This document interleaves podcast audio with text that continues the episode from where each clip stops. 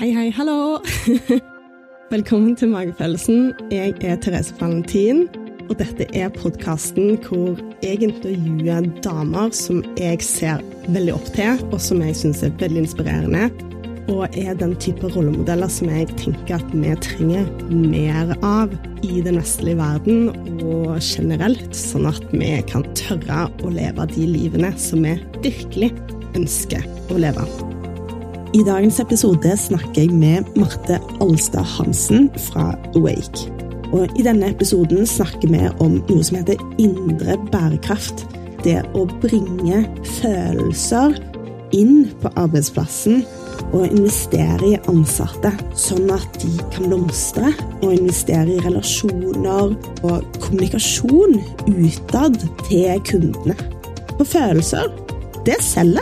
Og samtidig så er følelser noe som eh, vi ofte snakker om at vi burde legge igjen hjemme. Dette er en litt ny måte å tenke på, og en litt ny måte å se på lønnsomhet i næringslivet og hva det er som faktisk skaper verdi, og hvor mye det kan koste å faktisk ikke investere i ansatte. For hvem er du og menneskene rundt deg sånn på ekte? Hva er din unikhet? Og ser vi sånn virkelig menneskene rundt oss? God lut!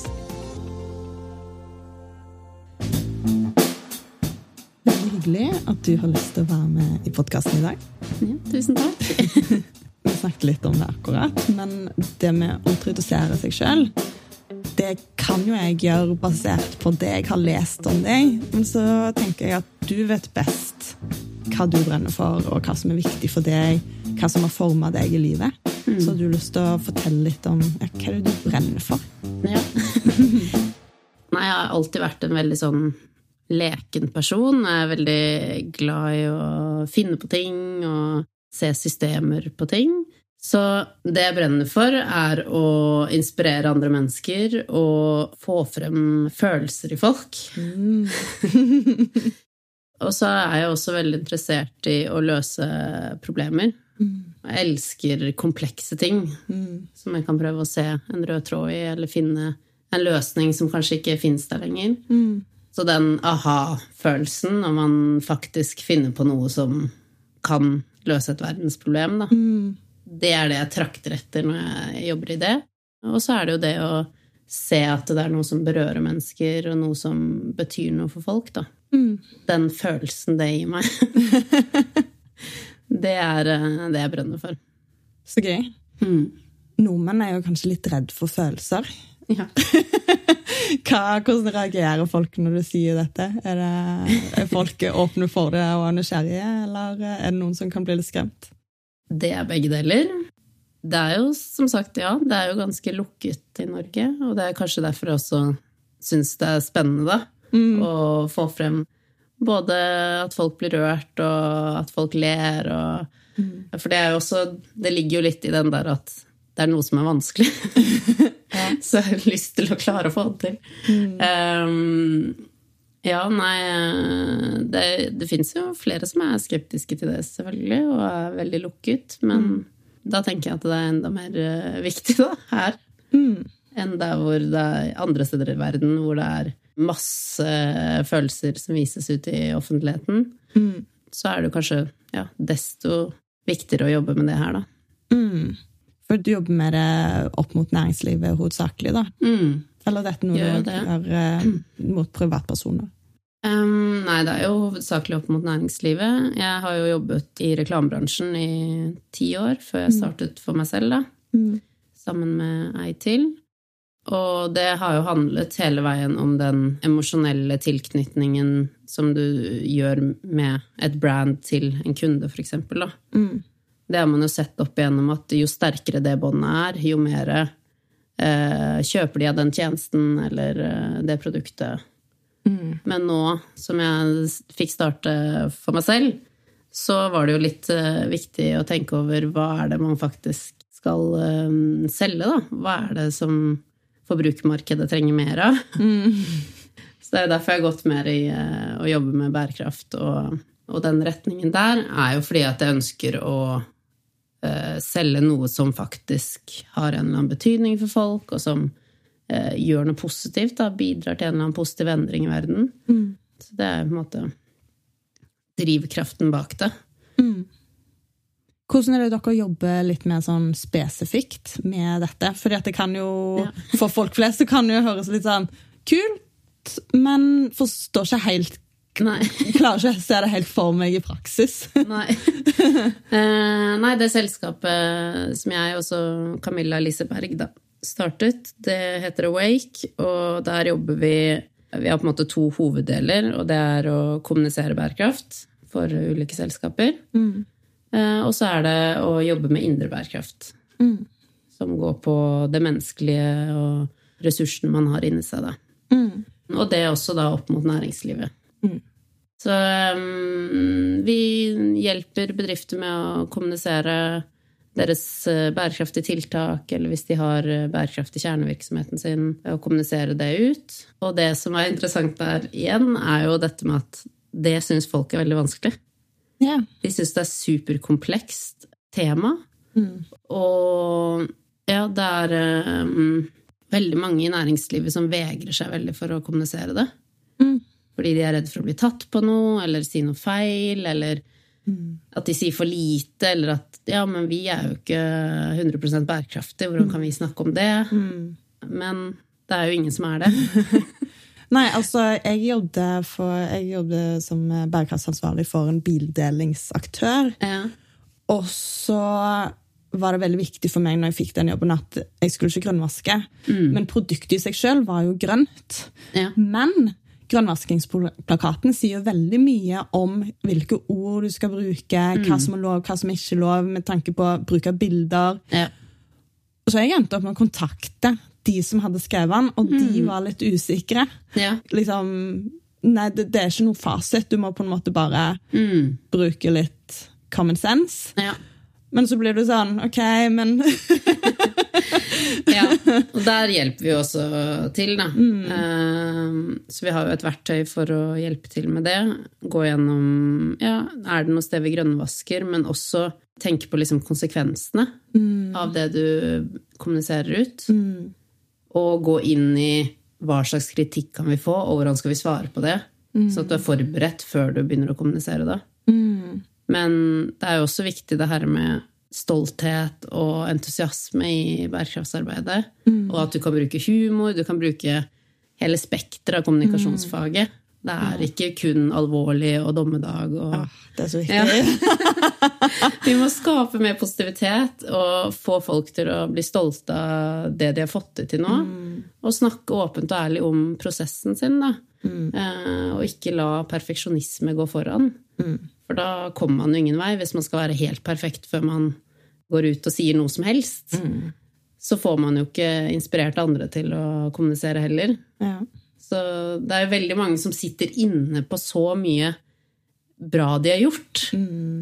Som vi blir litt sånn Oi, men det her kan dere jo snakke om. Det her er jo kjempekult at dere har tatt og gjort så mange tiltak og sertifisert dere og alt dette her. Og så handler det jo da om å finne følelsene i det og uh, den emosjonelle tilknytningen til det i tillegg, da. Og det er jo kjempepositivt å se andre gjøre ting, for da tenker du Altså, mennesker følger jo strømmen. Ja. Så hvis du ser at mange andre gjør det, så tror jeg mange kan føle sånn Oi, shit, men alle andre gjør noe. Da burde kanskje vi òg. Ja.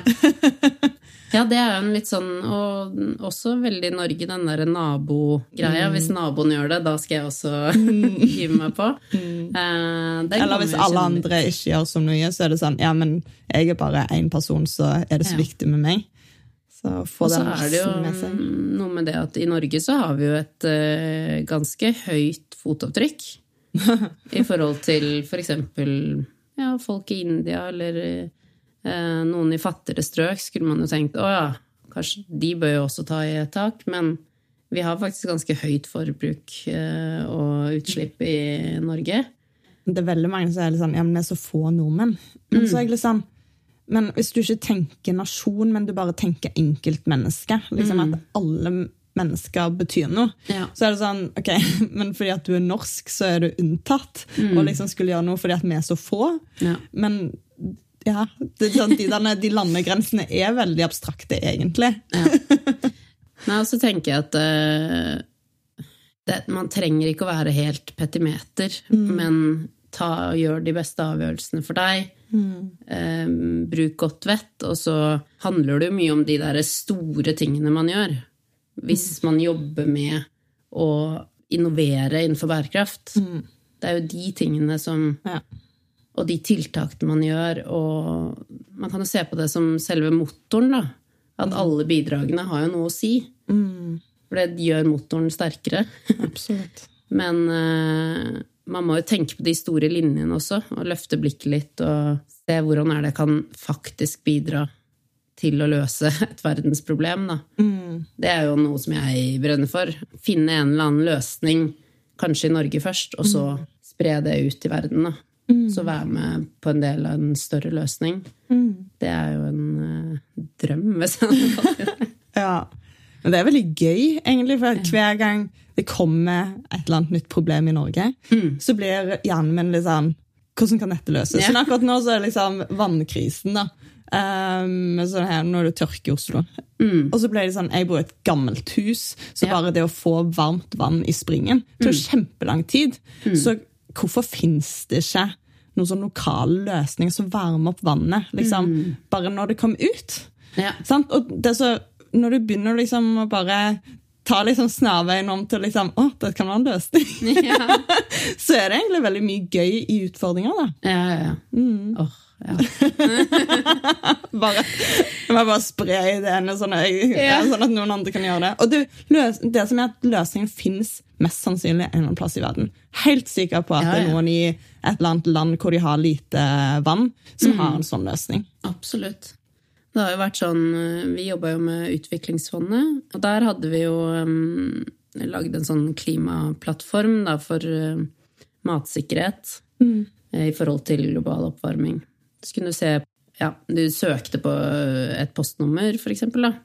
Og så så du da hvordan er det det eh, stedet kommer til å eh, forverres med to til fire graders oppvarming og fire pluss, da i forhold til nedbør og alt sånt. Og da sammenlignet vi med Malawi. Og da var det jo også sånn at eh, Det her var jo til bønder, egentlig, da, som var målgruppen. Og da hadde jo Malawi er jo et av de mest klimautsatte landene. Så de har jo en del løsninger, sånn som du sier nå, da. På f.eks. å grave groper for å bevare regnvann osv. Som vi i Norge også sikkert må benytte oss av når det øker, sånn at de kunne lære av hverandre. da. Men noen som er litt lenger fremme i akkurat det tankesettet igjen. Så som du sier, det er jo det er fint å se Ja, men det er jo sikkert noen som har løst det her allerede. Som har hatt det problemet eh, med tørke tidligere, da. Så det, fin det fins mange løsninger der ute, og det fins mange problemer. Ja. Ja, igjen, men takler ikke problemer så mye, så derfor er det veldig gøy å fokusere på løsninger. ja, ja. Sånn, hvordan kan vi gjøre noe med dette? ja. Mm. Nei, for meg er det sånn jo mer komplekst det er, jo bedre. Ja. Så hvis jeg jobber med kunder som har eh, veldig mange kontorer, eller har mange kunder under seg, f.eks., så at det blir enda mer komplekst hvordan du skal klare å kommunisere én ting med entusiasme og stolthet, og få med deg alle, og du skal være trygg, og da, da koser jeg meg. Åh, men det er deilig når hjernen bare liksom sånn, sånn gir som skal på plass. Det er akkurat som jeg kan se liksom, alle tankene bare spinne, Ja. og så gradvis setter de seg på plass, og så bare ah! Det føles så deilig! Åh, og den følelsen når det, Ja, det er litt sånn nære som et spill, ja. At Ja. det bare alle bitene plutselig setter seg på plass. Og så begynner du å spørre kunde og målgrupper og alt sånn om er dette her riktig. Og så skjønner du at eh, ja, du har faktisk eh, klart å løse det. Det er så ja, fin følelse. Ja, fantastisk. Men nei, folk funker ulikt. Det er sikkert en del som lytter på som er uenige. Ja, ja, ja. Ja, og det er jo også en del av det komplekse, da. At eh, folk tenker forskjellig og føler forskjellig, og mange mm, har ikke lyst til å føle det også. Ja. Eh, og ja, noen er mer logisk eh, fokusert eller faktabasert, og noen er eh, veldig følelsesbasert. Så Det er jo noe med det at du skal jo nå et bredt spekter av eh, mennesker, da. Men jeg er egentlig en tenker. Mm. Men har eh, kobla på kroppen min de siste fem årene. Ja. For den var ikke jeg i kontakt med i det hele tatt. Nei. Så du kan jo føle. Ja, ja, Og det er veldig fint, selv om du er en tenker og er logisk og analytisk. Mm. Og så tror jeg ikke det er noen som er bare én ting. Nei. Alle er nok alt, eh, men de har noen ting som er mer fremtredende, kanskje, da. Ja. I deres liv, og kanskje i perioder også, at det endrer seg. Og hva du har lært. Mm. For jeg tror ofte så altså, tanker og det analytiske Mm. kan være mye enklere for en tenker. Mm. Og det å gå inn i følelsene er noe som jeg, jeg har ikke lært det. Det har vært ukomfortabelt. Ja. Og så har hjernen min forenkla ting. da. Mm. Og så har jeg nok blitt oppdratt litt til å liksom ikke kjenne så hardt etter. Mm. Men så har jeg kanskje innsett at jo, Ja. kjenn etter, liksom. Ja. Og det er da det blir bedre. Så er det litt med det at eh, det er jo bare du som vet Mm. hva du vil, og hva eh, du tenker og føler, og hvordan din kropp reagerer. Mm. Og det er jo noe viktig med det at altså, det er ikke noen som skal fortelle deg ja, men du må føle sånn, eller du må tenke sånn, eller Det er jo helt opp til deg. Mm. Det som er interessant, er jo hva er ditt reaksjonsmønster? Hva er ditt Hvorfor føler du sånn som du føler? Hvorfor tenker du sånn som du gjør? Hva er det som skjer inni deg? Hvor, og så tenker jeg sånn Hvorfor vil ikke flere utforske det? Det er superspennende. Ja. Hvorfor gjør jeg sånn? Hvorfor be, ja, beveger jeg meg på den måten? Eh, ja, og alle følelsene, da. Hvorfor kjennes akkurat den følelsen der i kroppen? Og så gå inn i det og kjenne etter mer. Hva er det som skjer? Ja. Hvorfor trigges jeg av de tingene? Hvorfor reagerer jeg sånn? Ja. Jeg tror det hadde hjulpet veldig mye, og spesielt jeg tror i arbeidsliv relatert til sånn avvisning og, og uenighet og små konflikter, da, Ja. som folk kan være veldig redde for, men som egentlig handler om sak, det handler ikke om deg. Men så er ikke folk vant til å egentlig skille sak og person. Og, og bare innse at men det er helt greit at folk er uenige med deg. Og det er helt greit å ikke bli likt av alle. For hvem er det som liker alle rundt seg? liksom? Og har lyst til å være bestevenn med alle. Altså, jeg skal innrømme at det er mange mennesker som jeg syns det er helt greit å bare jobbe med, men trenger liksom ikke tilbringe mer tid med dem. Nei. Trenger ikke nødvendigvis å spise lunsj med dem. Det er ikke dermed sagt at jeg ikke respekterer dem. Men jeg bare har ikke behov for å nødvendigvis liksom ha den nære relasjonen. Og da kanskje tenke litt annerledes på det med avvisning. At det faktisk handler litt om å respektere andres tid òg. Og ikke bare jatte med, være snill med dem for å være snill. Og egentlig være litt ja, falsk, da. Ja, for det er noe med det å jobbe i motstand også. Å være i konflikt. Det bør man egentlig reflektere mye mer rundt. For ofte så speiler jo vi hverandre. Mm. Altså og, veldig. og når man har en konflikt, så kan det jo være veldig vanskelig å være veldig sånn til stede i konflikten. Det er jo ofte sånn at man kommer etterpå 'Åh, jeg skulle sagt det', og 'Åh, hvorfor var jeg ikke mer sånn', eller Men jeg tenker det er jo litt sånn når du jobber med det forholdet med deg selv, da, og reaksjonsmønster og følelser og tanker og alt sånt, så blir du mer i kontakt med det, og da kan du stå mye tryggere da, i en sånn type situasjon. Hvis du er i en konflikt, da, så står du mye tryggere i deg selv. Ja, jeg hører at du sier det, men det her mener jeg, og dette er min uh, følelse rundt det, det her er min avgjørelse. Og da blir det ikke så mye konflikt, da, for da har man jo den tryggheten i seg. Det som skaper eh, mer og mer konflikt, er jo usikkerhet, frustrasjon, ikke sant? sinne, man snakker i affekt, f.eks. eksempel. Så det er jo metoder å håndtere det også på en annen måte, da. Kjempeviktig. Ja, ja, ja. Det er jo sånn vi har jobbet med det indre arbeidet hos oss, er jo at hvis vi kommer i en eller annen situasjon hvor det er veldig mye motstand, Det kan være at, um, ja, at noen ikke forstår verdien, kanskje, eller det kan være noen som sitter på andre siden som er veldig skeptisk eller usikker eller har opplevd ting før som noen ikke har levert, eller ikke sant, et Mm. eller annet, da, som gjør at det blir en sånn Starten blir fryktbasert. Mm. Det har vi liksom begynt å kjenne igjen nå. Hvis vi merker det at i et første møte med en eh, kunde at det er den approachen du har, da, så tenker vi at nei, den, den skal vi ikke jobbe med. Ja. Så da, da tar vi ikke det caset, selv om det kanskje ville vært lukrativt for mange. mange. Men det å starte en prosess i frykt, Ja.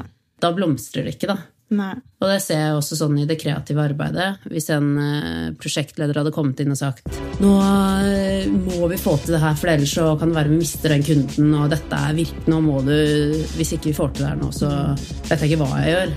Hvis det er starten, så er du nesten dømt til å feile. Men hvis den hadde kommet inn og sagt nå gleder jeg meg til å se hva dere kommer til å få til. Det her blir så spennende, og det er så kul kunde, og det her blir kult. Så, så har man en helt annen følelse å gå inn i det. Da er det sånn åh, nå har jeg lyst til å bevise. Ja. Wow, ok. Ikke sant? Og den, det å jobbe i, det, ja. i flow og jobbe i mer eh, positivitet, da. Og i, i hverdagen ta mer valg i forhold til magefølelse Mm. og um, indre tanker og Ja. Det gir jo så mye mer effektivitet. Og hvis du tenker et businessøyemed og jobbe med disse tingene her Ja, ja, men tjener vi penger på det? Ja. Det kan jeg love deg at du gjør, fordi du får jo plutselig et team Du kan jo tenke da, hva skjer hvis du ikke har jobbet med det, det indre i eh, et selskap? Jo, du har kanskje et fragmentert team. Noen som har veldig høye skuldre, har mye stress, er ubalanse, har ingen overskudd, ingen energi. Og etter liksom alle disse kriseperiodene vi har vært i nå, som har økt stressnivået betraktelig, da. Jeg føler det er nesten blitt litt sånn at det, det er mer akseptabelt å snakke om krisen i verden enn andre ting. Mm. Sånn, jeg har begynt å liksom kutte samtaler omtrent bare sånn akkurat nå, så jeg, jeg, det er ikke den energien jeg vil ha inn i dette rommet. Liksom, snakke om krig, snakke om korona. Så jeg stopper folk litt, da. Men det er akkurat som at vi føler på sånn samfunnsansvar Ja. å snakke om alle de forferdelige tingene som skjer i verden hele tiden. Og være kontinuerlig oppdatert. Og så blir det sånn ja, men, Nei, og det skal man jo kjenne på selv. Og ta inn den informasjonen som man selv tenker er passe, da. Og der tenker jeg jo, er man i en situasjon hvor man føler seg ukomfortabel, eller åh, det her Nå kjenner jeg at jeg blir veldig tung og stresset og bekymret, og da er det jo det å beskytte seg litt fra det. Og ta seg vekk fra den situasjonen, eller få det over på et annet tema, eller ja. Nei, men jeg mente mer sånn bare Det er akkurat som det har blitt en switch i samfunnet. mm, Hvor det har blitt et mye mer fryktbasert fokus Ja. enn det jeg følte før korona. mm, Jeg vet ikke helt om nyhetene var Jeg føler ikke de var like ille før. Nei. Ehm, og det er jo en eh, polarisering i verden. Og jeg tror jo at det må til for at vi skal komme sammen igjen også. Ja.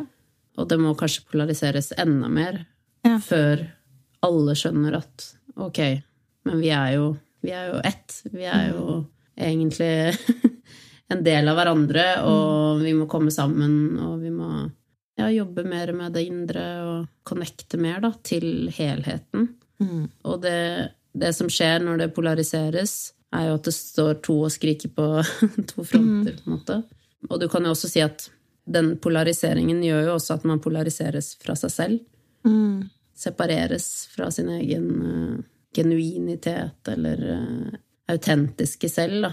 Mm. Så er det mange som ikke vet hva det er. Hva er meg på ekte? Hva er min unikitet, da? Mm. Og det har jeg tenkt mye på, det der med at når man vokser opp, så er det veldig mye gruppementalitet. Og nå har vi jo hørt dette med russetiden og utenforskap der, og det blir jo Mm. mer og mer dette med liksom at det skal være én gjeng, og vi skal være helt likt kledd, og det kjenner man jo til fra ungdomsskolen og sånt.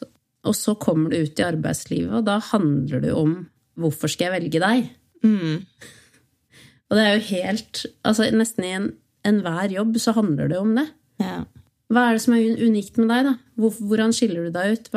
Ok, jeg har 40 søkere som har samme profil. Mm. De har akkurat det samme studiene, eh, samme karakterene. Ja, Mm. hvorfor skal jeg velge deg? Mm. Nei, det har jeg ikke lært meg i skolegangen. Hva der som er unikt med meg. Ja. Fordi jeg har jo bare prøvd å passe inn og ha akkurat de samme klærne og ha, være lik som de andre, sånn at det ikke skal bli satt på utsiden. mm. Og så er det plutselig det som er viktig. Ja. Men Samtidig så føler jeg jo at arbeidsgivere ønsker at du skal ha gått på en spesifikk skole. Ja, ja. Fordi at de ansetter noen som, eh, som de kan kjenne seg litt igjen i. Mm. Men du skal være unik. Ja, ja, det er det. Ja, og så skal, skal du ha, du skal helst ha toppkarakterer, skal ha studert på det universitetet, men du skal være annerledes. Mm. Det er en vanskelig kombinasjon. Fordi du kan jo tenke deg hvis du har ja, si 40 søkere da, Mm. som har akkurat det. De har alle de kriteriene som du spør etter. Mm. Hvorfor skal du velge én kontra en annen? Ofte kan jo det gå på kjemi, ikke sant? Eller, men ja. Mm. Eh, og det er jo i så mange jobber. Mm. Og også dette her med intensjon, da. Mm. Og egen intuisjon. Og det var det litt poenget jeg skulle si i stad. Hvis du har et team som er helt fragmentert, eller hvis du har et team som har jobbet litt med det indre og vet Ok, jeg vet hva jeg vil, jeg vet hvor jeg står, jeg vet hva jeg tenker, og jeg er trygg i meg selv. Det er jo en ansatt som er mye mer selvgående, mye mer effektiv, jobber i flyt. Det er jo så mange fordeler. Og i tillegg, hvis en arbeidsgiver hadde tilbudt et sånn type opplegg, da, Mm. hva skjer da? Jo, du får jo et bedre forhold til arbeidsgiveren din. Mm. Det blir mer samhold på jobben. Du har jo mer lyst til å jobbe der videre. Mm. Og også kan man jo også finne å ja, kanskje ikke denne jobben var helt riktig for deg. Kanskje du skal plasseres et annet sted i selskapet. Plutselig oppdager man at her er det en som har jobba i motstand hele tiden. Mm. Det er jo ikke riktig plassert. Den skal jo egentlig sitte og jobbe i et helt annet sted i selskapet. Ja. Der er det flyt! Å ja, ok. Ja. Ikke sant? Tenk deg en ansatt som sitter og er frustrert hver dag og høye skuldre og Å, vet ikke, jeg får ikke til, eller man ser ikke potensialet mitt. Alle vil jo bli sett. Mm. Sjefer også vil bli sett. Ja, ja. Og alle har en historie eller en grunn til at eksempel sånn som vi snakket med konflikt i stad. Mm. Hvis det plutselig er en ansatt eller en sjef som er kjempefrustrert eller sint, eller, og det er litt sånn ut av uh, karakter, da, så er det jo alltid en grunn. Mm. Og da Det er jo få som da sett, prøver å sette seg i den personen sitt, uh, sine sko, da. Mm. Og si det er en sjef. Ja, ok. Har man noen gang tenkt over hva slags ansvar sitter den sjefen på? Mm. Tenk deg alle tråder den må holde i. Mm. Sørge for at ansatte har det bra. Kanskje det er noe på hjemmebane. Ikke sant? Man, man tenker ikke over alle disse tingene på en, til hverdags. Da. Mm. Det har jo veldig mye å si. Ja. Å prøve å skjønne den andre personen og prøve å se dem. Mm. Og du kan jo si at det er ganske mange sjefer som aldri får ros. Nei. Som aldri blir sett. Mm. Det bare forventes at du håndterer det. Ja. Og det tror jeg at eh, det kunne jo ja, gitt de enda mer eh, guts og ja, effektivitet i arbeid, og at de, de også så andre, da. ja. For det åpner jo opp, ikke sant. Hvis man ser hverandre, så Mm. Det er jo noe sånn altså, En leder skal jo skape en kultur. mm. Så det, jeg kan jo se for meg at hvis den lederen tar initiativ til et sånt arbeid, så vil det skape en bedre kultur i avdelingen, men òg rom, mer rom for lederen å være et menneske. Ja. For at, ja, sånn som du sier, det er akkurat som leder, at det ikke er rom for at ledere skal gjøre feil. Mm. De skal liksom bare være roboter, de skal alltid være på, Mm. ikke ha en dårlig dag. Og så kan du si at eh, det er sikkert mange som tenker at ja, men blir ikke det for personlig? Nå mikser du liksom eh, business og det personlige livet. Man skal ikke vise følelser på jobb. Ikke sant? Det er jo mange sånne bekymringer der ute, sikkert. Men jeg tenker jo at eh, der er det jo en balansegang der også. Mm. Og det fins metoder og verktøy til å jobbe med det indre uten at man går på det personlige, da. Mm. Men man jobber mer for å se ok, hvordan er det vi kan jobbe mer i flyt. Hvordan er det vi kan stoppe litt hvis eh, det er motstand. Mm. For eksempel så jobber vi med noe som heter inspirerte handlinger. Mm. Og det er jo ikke for uh, enhver jobb, for noen har jo veldig strict på hvordan de, hva slags oppgaver de skal gjøre osv. Men for oss så handler det om å ta inspirerte valg. Og for hver oppgave vi skal gjøre, så sier vi, hvis vi har mange oppgaver på en dag, da, sier sånn Er du inspirert til å gjøre den oppgaven nå? Eh, nei. Jeg har mer lyst til å gjøre den andre. Ja, ok. Da begynner du med det.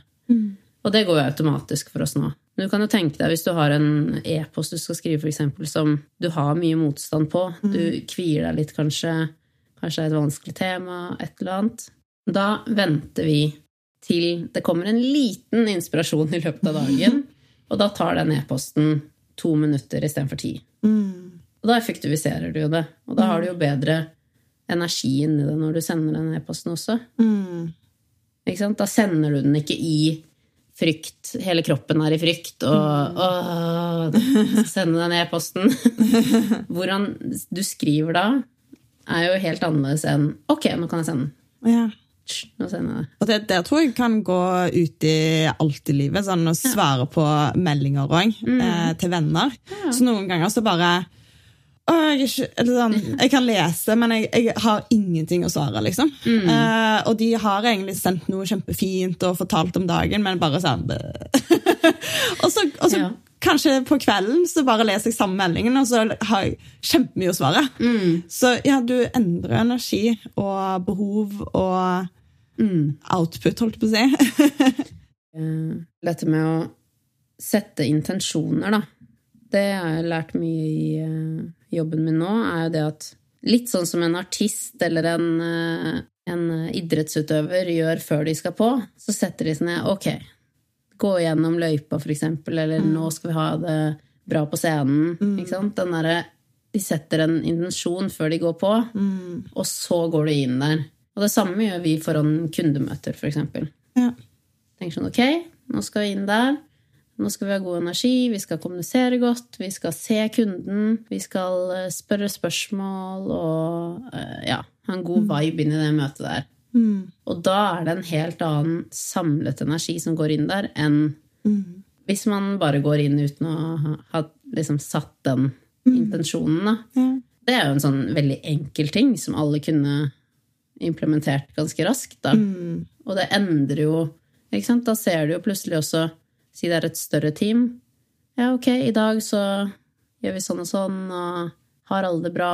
Det er jo enkle ting som kan implementeres, som har veldig mye å si for folk. For plutselig så ser du de. Du skjønner at 'å ja, nei, det mennesket der, det har ikke en bra dag i dag'. Ok, nei, da skal vi liksom legge litt mer til rette der. Eller vi kanskje må ta en egen samtale. Men i større selskaper så er det prioritert med en medarbeidersamtale kanskje én gang i året. Man ser ikke hva som foregår, egentlig. Da. Og sånn som jeg ser um, til inspirasjon, de uh, Easy, som driver med elbilladere, de har jo en sånn policy hvor de sier at de lead with love. Da. Og de har ukentlige møter hvor de snakker og reflekterer rundt sånne her ting. Og de har jo kjempesuksess. Så det trenger ikke å være alternativt eller for personlig eller feil for et større selskap òg. Du kan skape suksess ut av det indre arbeidet. Så det, har, det, har, det gir deg mer økonomiske fordeler, vil jeg si. Ja, det kan jo gi mindre sykemeldinger også. At, eh, og folk blir kanskje lenger i den jobben. Eller det ikke tilknytning, trygghet, samhold, Ja. vennskap? ja. Altså, det er jo veldig vanskelig å kjenne på sånne type ting hvis du ikke føler at du kan være deg sjøl på arbeidsplassen. Og det er jo det som sånn, tradisjonelt sett har blitt oppmuntra til. At du skal være én person på jobb og én person på privaten. ja. Men hvordan kan du føle deg trygg hvis du ikke er deg sjøl? Jeg kan ikke det. Og så er det jo det der noe av den unikiteten og verdien ligger også. Mm. Ja. Jeg ville vite hvem er du? Hvorfor er du sånn? Og hva kan du bringe? For Hvis du Ja. tør å være deg sjøl, så tør du å bringe alle dine unike ideer med deg. Mm. Tør å snakke opp.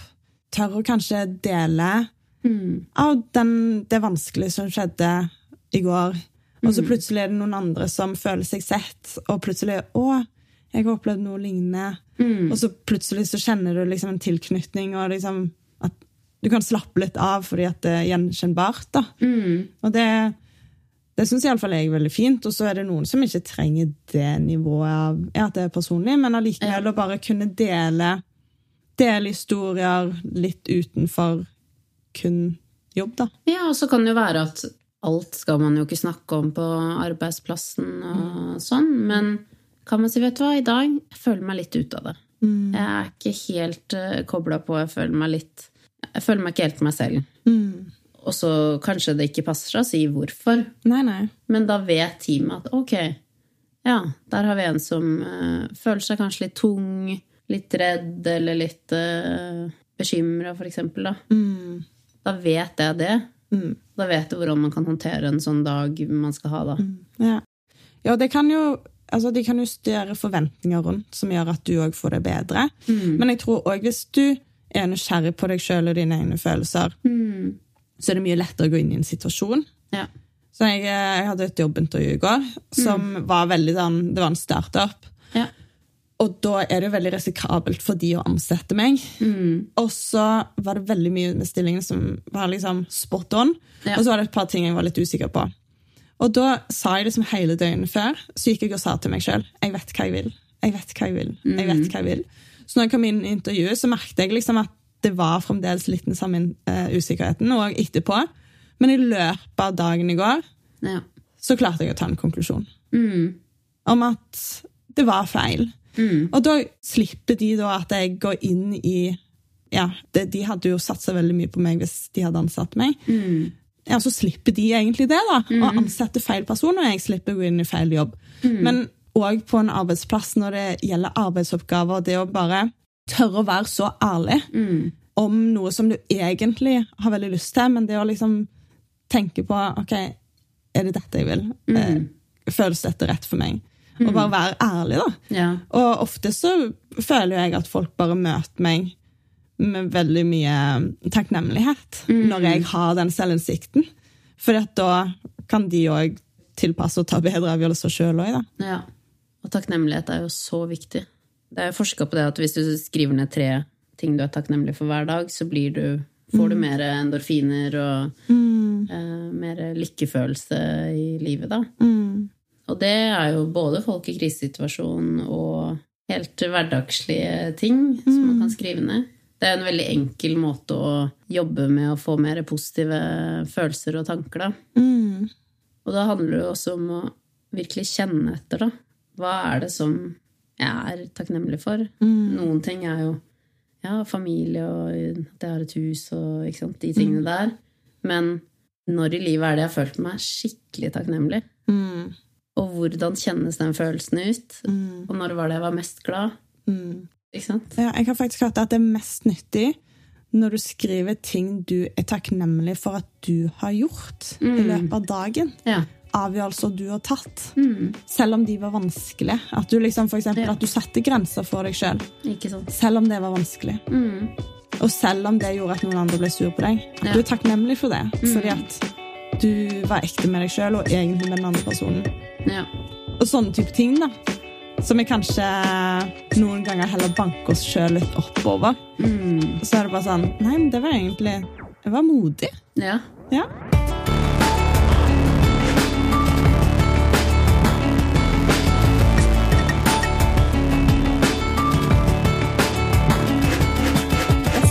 Episoden kommer ut sånn cirka om en uke, og inntil da så lag deg den uken som du har behov for.